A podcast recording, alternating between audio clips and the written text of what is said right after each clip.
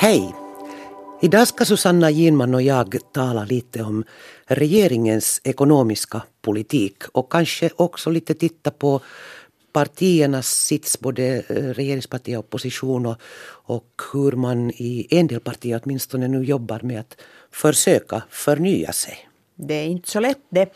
Men vi börjar med den här ekonomiska politiken för eh, nu är det ju faktiskt så att vi har ett ganska färskt sånt här råd för utvärderingen av den ekonomiska politiken.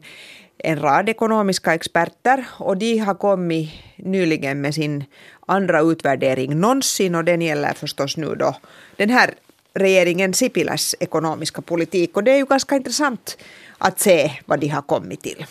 De, de har en ganska, hur ska jag säga, hård kritik kan man väl säga mot eh, de åtgärder som regeringen nu satsar på. Eh, det vill säga ganska hårda nedskärningar. De anser att de i och för sig eh, är motiverade men, men i synnerhet det här så kallade tvångslagspaketet som fortfarande är på agendan även om det nu förs förhandlingar igen mellan facket och arbetsgivarsidan. De, de kommer med en kritik som är ganska långt detsamma som som vi såg i remissutlåtandena om de här tvångslagarna. Det vill säga beräkningarna bakom dem är ganska otillförlitliga, de är hafsigt eh, ihopskrivna och eh, slutresultatet om man går in för de här lagarna som då alltså ingriper i semesterersättningar och sökenhelger och, och så, så, så effekterna är ut i det blå nästan. Och eventuellt precis de motsatta till det vad man egentligen vill uppnå. Sen säger de ju också, det, det måste man ju säga, att, att så att säga de är liksom nog överens eh, om behovet av, om vi ser på hela Finlands ekonomi, att det måste man ju säga. Och också tidtabellen tycker de att det är okej. Men det är sen de här konkreta åtgärderna som, som de inte eh, ger liksom godkänt för till alla delar. Och en av dem, förutom då de här tvångslagarna, är, är, är att de är kritiska till att den här regeringen har beslutat att man inte ska höja några skatter, att skattegraden ska inte höjas totalt sett. Och det här tycker de här eh, professorerna som leds av Roope Uusitalo att eh, inte så fiffigt eftersom man liksom låter bli att använda ett, en faktor eller ett element. Och det tycker jag att var ganska intressant när eh, finansminister Alexander Stubb då besvarade den här mm, kritiken som det här rådet kom med att han sa att jo, det här med skatterna, att vi inte höjer skatterna, så det är ett politiskt val. Det är ett värdeval. Då professor Roope Uusitalo eh, han, han, var egentligen, han sa att det är ju bra att han säger så här. Att han inte kommer med några förklaringar med mycket siffror och, och statistik och motiverar regeringens val med, med andra saker än med just uttryckligen politik och värderingar. Precis, därför att just när det gäller ekonomi så är det ju hemskt vanligt att man gör på det sättet. Att, att man talar liksom om ekonomin som om några naturlagar eller att de åtgärder man måste vidta är någonting som man bara måste göra. Ja, för att finansministeriet har sagt så Precis. så. så. så att, och, och, och egentligen är det ju inte så för att det finns alltid olika saker, det finns alltid olika alternativ man kan ta också för att liksom uppnå en viss effekt. Det finns inte bara alltid en enda sak som man kan göra. Men det här luddas väldigt ofta till tycker jag i vår eh, diskussion om, om politik och ekonomi. Så var det till exempel före riksdagsvalet tycker jag. Att, att, att det var liksom svårt att, att egentligen få fram de här skillnaderna till stora delar. Sen har jag tänkt på en annan sak. Ja, de är ju också förresten kritiska mot det som de också väldigt entydigt sa, att de var väldigt kritiska till de här utbildningsnedskärningarna. Och eh, och sen liksom nedskärningarna i allmänhet just eftersom man så att säga ensidigt använder sig av att skära ner de offentliga utgifterna och inte tar in mera pengar genom att på något sätt höja skattegraden. Och där påpekar de också att det finns inte liksom argumentet för att inte höja skatterna brukar, brukar ju vara att det skapar mera ekonomisk att om man inte höjer skatten, om man har lägre skatter så skapar det mer ekonomisk aktivitet och det skapar nya jobb och så vidare. Men, men eh, det här Roope Uusitalo och hans eh, grupp så påpekar då att det finns inte egentligen bevis för det här. Att det här Nej. är en sån här sådant som man brukar kalla tror jag, dynamiska effekter. Precis, och, och jag tittar faktiskt nu när den här rapporten kom så finns där då den är underbyggd med delrapporter från olika forskningsinstitut och så här. Och ett av dem är VATT, det vill säga Statens ekonomiska forskningsinstitut, där de har tittat just på skatternas så kallade dynamiska effekter. De har gjort internationella eh, jämförelser, så mera empiriska studier där och eh, de påpekar då i sin rapport att eh, det är liksom överskattat. Att eh, det har nog visat sig att, att det här mm, varken inkomstskattesänkningar eller skattelättnader för företagen har så väldigt stor effekt. Att det som ju man nog säger i den här rapporten att beslutet att höja arbetsinkomstavdraget för låginkomsttagare. Så det är fiffigt eftersom eh, de då faktiskt behöver Jo, där finns pengar. ju den där största flitfällan. Där finns precis just där i skarven mellan att vara arbetslös och att ha ett ganska lågavlönat arbete. Så där är det viktigt. och, det... Ja, och där är den kanske inte så viktig för de dynamiska effekterna. Nej. För den också, menar, där handlar det nog om deras konsumtionsförmåga. Men, men just för att åtgärda de här flitfällorna. Ja. Men, men, men jag, det här, ja. Ja, nej, jag bara funderar på de här dynamiska effekterna mm. för att det är ett sådant ofta allmänt, allmänt argument och nu, är jag, nu, nu kanske jag äh, begår hemska synder men jag börjar allt mer liksom tycka att, att säger man dynamiska effekter om det som man liksom hoppas eller vill att ska ske. Så, så, nej, eftersom det då liksom är hemskt svårt att bevisa. Och, och ju, om man tänker på företagsskattelättnader så, så då gjorde ju den, den förra regeringen gjorde ju den stora nedskärningen i sam, samfundsskatten, det vill säga den skatt som företagen betalar. Man sänkte från 24 procent till 20. Eh, no, man visste ju att det skulle ta tid innan det skulle synas men nu har det ju gått ändå en viss tid och, och, och inte, inte har ju riktigt de där effekterna eh, som man hoppades på äh, synts till. Förstås kanske det beror på att ekonomin inte, liksom, jag vet inte, kanske det finns andra orsaker till det, men att man blir ju nog ändå kanske lite betänksam. Ja, nu, nu bara på tal om företagen så, så nu efter att vi bandar den här podden så kommer ju en rad börsbolag och storföretag med sina, eh, sina resultat här. Från, och, eh, för hela fjolåret. För hela fjolåret, ja. ja och Aktias chefsekonom, nya chefsekonom Heidi, Heidi Schauman så uh, räknar nu med att dividendutdelningen kommer att bli väldigt stor i år. Och, och, det är ju intressant, eller vi ska säga att det är kanske sådär psykologiskt intressant samtidigt som Eh, Eh, vi har massa uppsägningar och drar åt svångremmen för de som har det sämre ställt här i landet så, eh, så delas det ut väldigt stora dividender från börsbolagen. Okej, det här har sin förklaring eh, eftersom exporten inte drar, konsumtionen inte drar så säger företagen att de har ingenting att så att säga investera sina pengar i. Så då delar man ut dividender åt ägarna istället.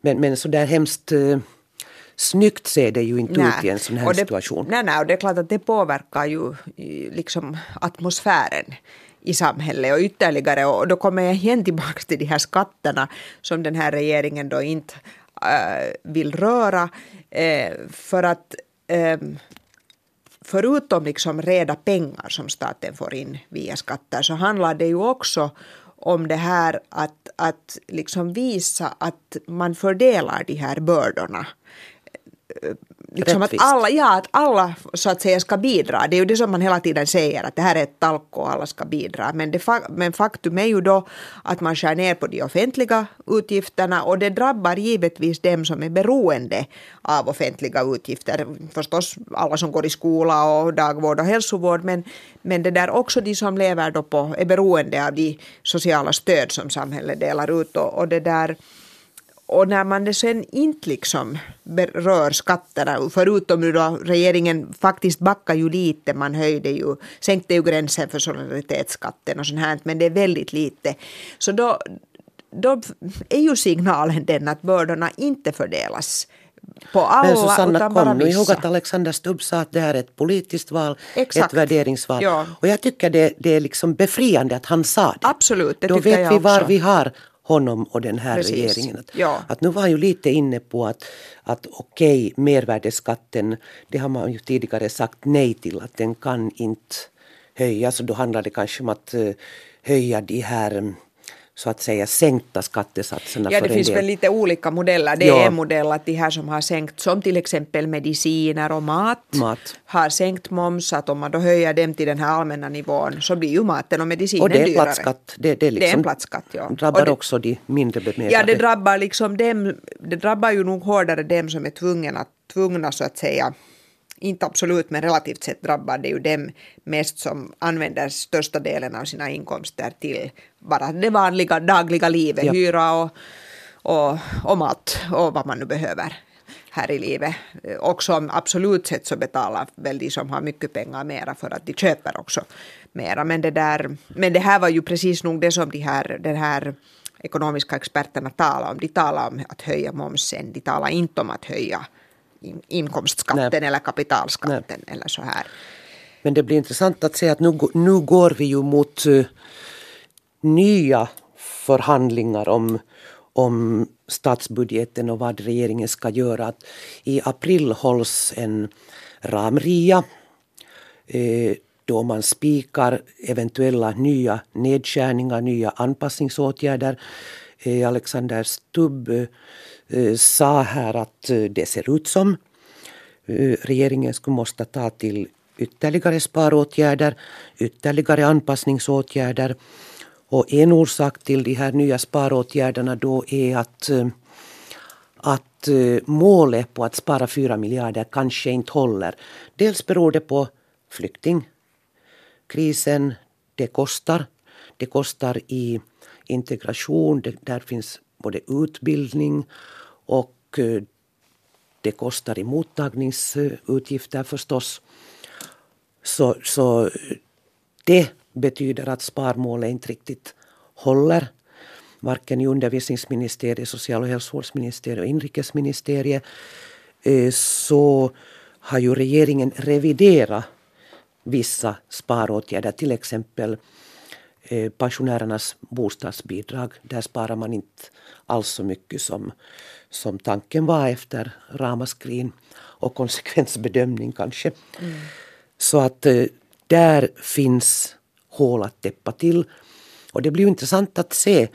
Eh, han har påpekat att eh, man i regeringsförhandlingarna kom överens om att om något sparmål inte nås inom en viss förvaltningsgren så ska hålet täppas till inom samma förvaltningsgren. Så säg då att, att det går mera pengar från utbildningsministeriet för att integrera flyktingar, ge dem utbildning. Eh, ska man skära på annan utbildning istället? Ja, där man redan där man skurit. har skurit. Ja. Eller inom inrikesministeriet där kostnaderna är stora för själva flyktingmottagningen. Ska man skära på anslagen för poliserna eller var ska man skära? Ja. Att de här mm, förhandlingarna mellan ministerierna förs nu ganska snabbt här. Precis, att så, Stubb skulle redan i februari komma med sitt eget förslag. Ja. Och det handlar ju då dels om helt enkelt summor, liksom, att hur, hur mycket, hur, vad ska budgeten sluta på under de här följande kommande åren. Och så talar man ju också, eftersom det nu för tiden finns en sån här plan för den, eller budget för den offentliga ekonomin skilt där kommunerna också ingår, alla offentliga pengar ingår, så då talar man liksom också om, om den. Men, det där, men du har ju kollat upp med ett jo. par andra ekonomer, att hur ser de på jo, jag det här? Tänkte, alltså jag, jag det här Stubb skrev en kolumn faktiskt för någon vecka sedan där han gick in på de här förekommande, förestående sparåtgärderna och där Eh, påpekar han då också att man i april ska se eh, eller bedöma om, om eh, skuldens relation till bruttonationalprodukten, hur den utvecklas. Om den utvecklas sämre än vad man har räknat med så, så måste man liksom komma med nya anpassningsåtgärder där också. Och där handlar det bland annat om EU-regler. Men, men det här, jag, jag tänkte att nu ska jag ringa upp lite ekonomiska experter på våra eh, viktigaste och renommerade ekonomiska forskningsinstitut. Och, och helt enkelt ställa dem frågan att om du var Alexander Stubb, så vad skulle du göra i april? Nya anpassningsåtgärder, nya sparåtgärder, hur mycket, hur stora? Och ingen av dem jag talade med var inne på den linjen att, att nu måste vi, nu måste vi liksom eh, ta nya åtgärder. Det viktiga enligt dem är att de sparåtgärder man nu har beslutat om, att de i stort sett håller, att det blir ett samhällsfördrag. Men till exempel eh, så sa en av de här experterna som jag talade med, ekonomisk forskare, att om det nu blir något problem med EU-regelverket och, eh, och statsskuldens andel av BNP så, så, det här, så, så får nu Stubb förklara det.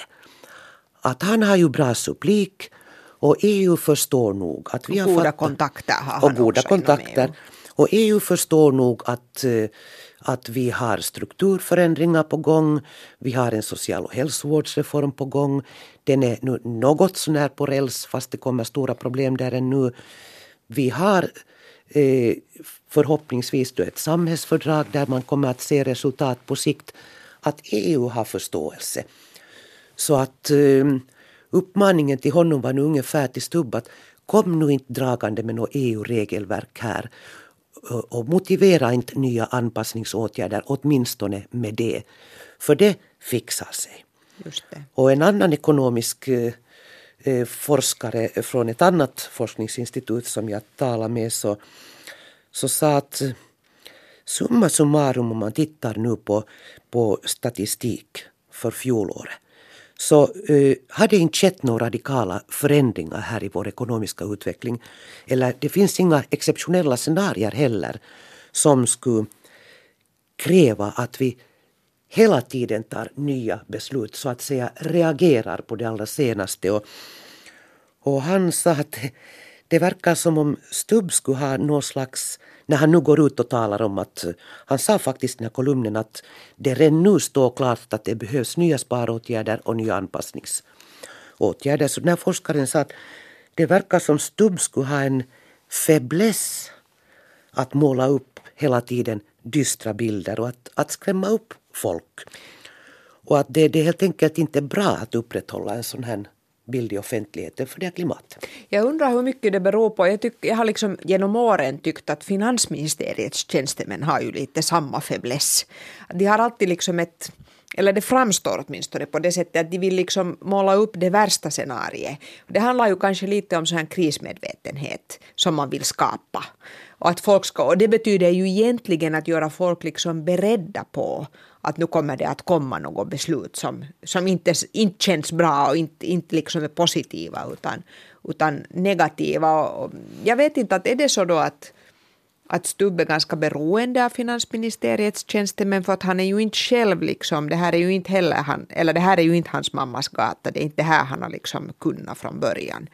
Eller, eller liksom att låter han dem så att säga besluta för mycket eller är det, handlar det bara om det som han nu då, om vi nu för tredje gången konstaterar det här just att han sa att det är ett politiskt Politik, val att inte höja skatterna och, och, och det, så har det ju faktiskt alltid varit med Samlingspartiet att de, de, de, har alltid motarbetat högre skatter och det har varit det viktigaste för dem liksom framom eh, att införa nya tjänster och sånt. Också i det skede när välfärden byggdes upp och, och sånt, man beslöt om sånt som idag är liksom helt allmänt accepterat och ingen ifrågasätter egentligen som till exempel nu grundskolan eller folkhälsolagar eller, eller sånt här som alla ändå har varit liksom sådana politiska dragkamper då när de har blivit till men det där, ehm, ja jag vet inte, men ibland så tycker jag bara att den här krismedvetenheten liksom bland folk nästan går för långt. Att, att det är nästan lite skrämmande att se hur, hur liksom människor blir fruktansvärt på riktigt alldeles jätteoroliga för att hur ska Finland nu klara sig?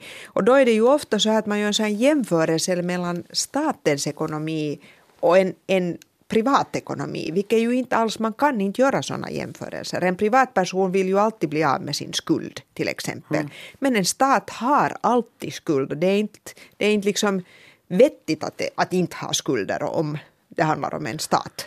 Ja, om vi återkopplar till det här liksom, som du sa att, att, att människor är liksom väldigt krismedvetna så, så Aktias chefsekonom Hedi Schumann, Schumann, Hedi Schumann eh, säger faktiskt nu när hon resonerar kring de här stora dividendutdelningarna som kommer och att, att företagen då ger, delar ut dividender för att det inte finns någonting att investera i så kopplar hon till just det här att människor i dagens eh, samhällsklimat eller ekonomiska klimat inte vågar konsumera. Och, och, det leder ju sen förstås också till att det inte finns avsättning för produkter och att företag då inte investerar, inte investerar och håller tillbaka. Att här är den här rundgången ja, ja, på sätt och vis. Och, ja. och, nu tror jag ju också som du att det här, eh, den här liksom atmosfären med, med bara nya sparåtgärder, nya anpassningsåtgärder och den här fäblessen för dysterhet och att måla upp skrämmande framtidsbilder, åtminstone för en nära framtid, att den påverkar människor. Absolut. Att det lilla man har, den som ja. har lite, så håller ja. nog i de pengarna. Ja. Tvättmaskinen får kanske hacka där nere i källaren och och så här istället för ja. att man går och köper en ny. Så är det. Ändå, ändå är det ju faktiskt så att det finns också lite positiva tecken i ekonomin. Att nu liksom ser man att, att företagen har lite, lite ökat sina investeringar. Och sånt här. Så att det finns också de här liksom goda tecknen. Eh, och det skulle kanske vara viktigt på något sätt att föra fram dem också. Och sen ännu måste jag ju säga om finansministeriets tjänstemän att kanske det liksom det kan ju hända att, så att, säga, att det ingår i deras jobb att, att liksom alltid måla mm. upp de här skräckscenarierna. Men därför behöver vi ju just liksom politiker som på sätt och vis eh, kan liksom sätta det lite i proportion, tror jag. Ja, och deras uppgift är kanske att ha de här också lite ljusare visionerna ibland. Men när du sa att, att det går ju faktiskt lite bättre så en av de här ekonomiska forskarna jag, jag ringde upp och för att lite kolla deras syn på vad som borde göras nu så, så sa just det att om vi ser på statistiken och att det inte finns något exceptionellt dramatiskt nu som skulle föranleda några nya beslut så han, han sa, refererar just till statistiken för fjolåret att det, det har varit liksom först lite dåligt och så har det blivit lite bättre och så lite sämre igen. Men att för det fjärde kvartalet så ser till exempel handeln bättre ut. Att, och det genererar också intäkter till staten, omsättningsskatteintäkter. Och, och sysselsättningen är, är, lite bättre kanske. Det genererar också intäkter. Så att, att kanske politikerna borde lyfta fram mera den här framtids tron. De gör det ju på sätt och vis när de säger att nu tar vi hårda sparåtgärder och sen om många herrans år så blir det bättre. No, Men att det finns nog tecken på på liksom ljusning, Precis. småtecken nu ja. också. Men därför skulle det ju på sätt och vis vara bra med mera debatt kring ja. de här frågorna. Och nu har ju riksdagen haft pauser, det har ju inte förts någon riksdagsdebatt där, men det är ju inte så hemskt många människor som jag tror som följer med dem, även om man kan se på dem nu i tv och, och på nätet hemskt ofta. Men, utan det handlar ju också om liksom andra plattformar, att, att, att komma fram då med olika synpunkter och olika alternativ. Nu, nu vet jag att eh, det planeras och jobbas här på YLE eh, för en sån här stor debatt mellan alla partiledare eh, i april, både opposition och regering och förhoppningsvis så, så hinner den före de här eh, stora besluten om, om eventuella nya anpassningsåtgärder, sparåtgärder kommer.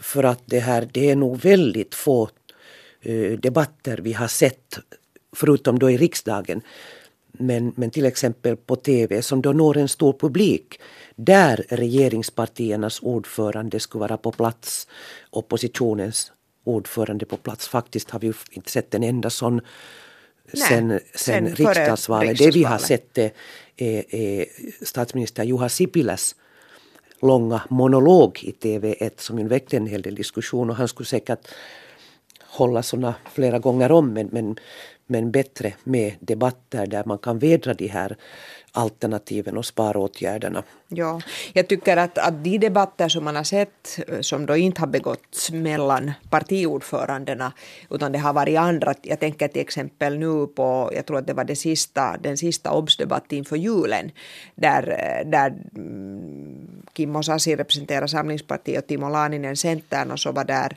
Heli Järvinen eh, representerar mm, oppositionen, hon var från De gröna och nu kommer jag inte ihåg vem den att var det Li Andersson från Vänsterförbundet eller någon annan, ursäkta det kommer jag inte ihåg. Men det som jag alltså kommer ihåg väldigt, väldigt klart var det här att när det så fort det blev tal om liksom konkreta sparåtgärder som regeringen har tagit till, till exempel när det gällde ut utbildningen så gled de här två regeringspartiherrarna iväg och gömde sig bakom väldigt det här luddiga argumentet att ja men vi har en så svår ekonomisk situation och vi är helt enkelt bara tvungna att skära ner nu.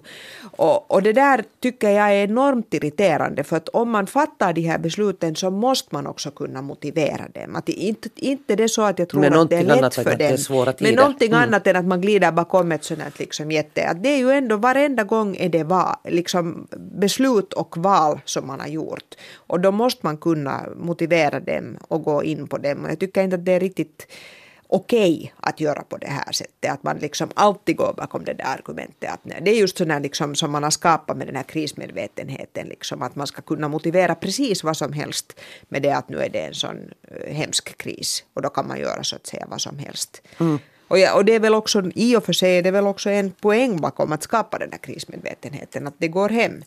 Och det sa vi visst redan. Men, ja, men vi får nu hoppas att den här debatten då sen ger någonting också och, och då, då ställer jag nog mitt hopp också till oppositionen. Absolut. Att de kan argumentera för, för då sina alternativ. Där blir man ju ibland lite, jag tror det var eh, i en kommentar i Helsingin Sanomat faktiskt som eh, en journalist skrev häromdagen att, eh, att Antti Rinne, sossarnas ordförande, så han är säkert en bra karl men han borde nog gå på någon slags medieskolning för att han har ju det inte så lätt att få ur sig saker och ting alltid så att det går hem och överhuvudtaget så no, det här blir en underlig åsnebrygga men vi sa ju att vi skulle prata lite om partier och förnyelse. Eh, Eh, att, att till exempel håller de på då i Socialdemokraterna under hans ledning eh, på att eh, förnya sig. De har problem. De har, och det var du som skrev, du skrev ju själv i en ledare ja. om de här galluparna och ja, att där, precis, där sossarna alltså, ligger så högt precis. att nu är, finns det nischen. No, jo, alltså, eller egentligen måste jag säga att eh, om, man, om man ser till de här opinionsmätningarna så, så har ju Socialdemokraterna nu då segla upp som det största partiet nu i, i flera mätningar så att man kan säkert lita på att det är på det sättet. Att, att de har liksom, medan regeringspartierna har, har gått ner eh, särskilt Samfinländarna, men nu också Centern mm. första gången under 20 procent. Och, och Samlingspartiet är ganska stabilt men ändå på en nivå som är ganska låg för dem. Liksom. Eh, men det där, men att där, så, där var liksom min oro så att säga var den att, att Socialdemokraterna haft problem ganska länge. Eh, och, och, att, det nu, att de nu får bättre siffror, så det beror nog enligt min analys inte på saker som de har gjort utan det beror nog på vad regeringen har gjort. Och, och då ser jag liksom direkt att det direkt kan vara så att säga en risk att de bara lutar sig tillbaka och tycker att okej, okay, låt, låt det regna in liksom i opinionsmätningarna och inte gör det där som de egentligen borde göra, det vill säga fundera att vad är de för ett parti? För att det där det är ju helt uppenbart liksom att, att, att de som har jag menar, det, det, de, de målsättningar man ställde upp då när partiet bildades och då när man hade godkänt det där programmet i Forsa eh, med åtta timmars arbetsdag och så vidare, som nu är ganska långt förverkligat. Så det där, världen har förändrats och, nu, och, nu, och, och det betyder att SDP och också de flesta andra partier måste liksom på något sätt kunna uppdatera sig. Både vad de har för målsättningar men också hur de arbetar. Vi tittar lite här, Susanna och jag, på de här sossarnas förnyelseplaner. På förra partikongressen så godkände de ett, eh, ett eh, dokument, ett program för hur man nu då ska bygga upp ett nytt socialdemokratiskt parti. Och det här handlar inte om det politiska innehållet utan om organisationen, hur man jobbar. De har ju stora problem med medlemstalet. Eh, på tio år, från 1983 tio år framåt till 2013 20 så, år framåt. 20 år. Eller 30. Nej, säger Nu måste jag faktiskt titta i pappret vilket år det var. Men jag räknar ut i varje fall att nu på tio år ungefär så har de tappat över hälften av sina medlemmar. Från att ha legat på nästan 100 000 medlemmar eh, ligger de nu på 40 000. Drygt 40 000. Mm. Och, och, och det är ju nog en häftig nedgång. Och, sen det, är också ja. åldersstrukturen, ja. särskilt i Socialdemokraterna bekymmersam för att deras medlemmar är ganska ålderstigna. De, är, alltså de, har liksom, de, de här som är över 60 så har en, utgör en väldigt, väldigt stor del medan de här som är ganska unga inte är särskilt många. Och det, där, och det där är ju med tanke på framtiden mm. definitivt ett, ett problem för dem. Plus att de analyserar i det här programmet också orsakerna till att inte bara de utan också andra partier har problem idag med fältet och med medlemstalet. Att, att uh, människors fritid eh, människor har mindre fritid än förr. För att vi måste jobba vi mer måste jobba förr. mer. Och det här, människor är mera intresserade, de som eh, engagerar sig alltså i politik och så här, så de är mera eh, intresserade av kortare projekt. Det här att skriva in sig i ett parti och trampa på och gå på lokalavdelningens möte och, och ha ofta dessutom en känsla av att du ändå inte kan riktigt påverka. Mm. Att där uppe i partiledningen gör de nu ändå vad de vill. Mm. Så, så det, det taggar kanske inte, nej. det intresserar inte så många. Nej, det är inte människor vill. Alltså det är ju faktiskt så att, att det är ungefär, tror jag, 6 procent av Finlands befolkning som hör till något mm. parti. Så det är ju en väldigt liten grupp, ungefär som vi finlandssvenskar. Men det där, så det här är ju en utmaning faktiskt för alla partier. Men jag tror ju nog ändå, både för Socialdemokraterna och för alla andra, det förstås är det viktigt med de, givetvis med hur man arbetar och hur organisationen ser ut. Men det allra viktigaste är ju nog att de där politiska målsättningarna är klara och att man kan kommunicera dem.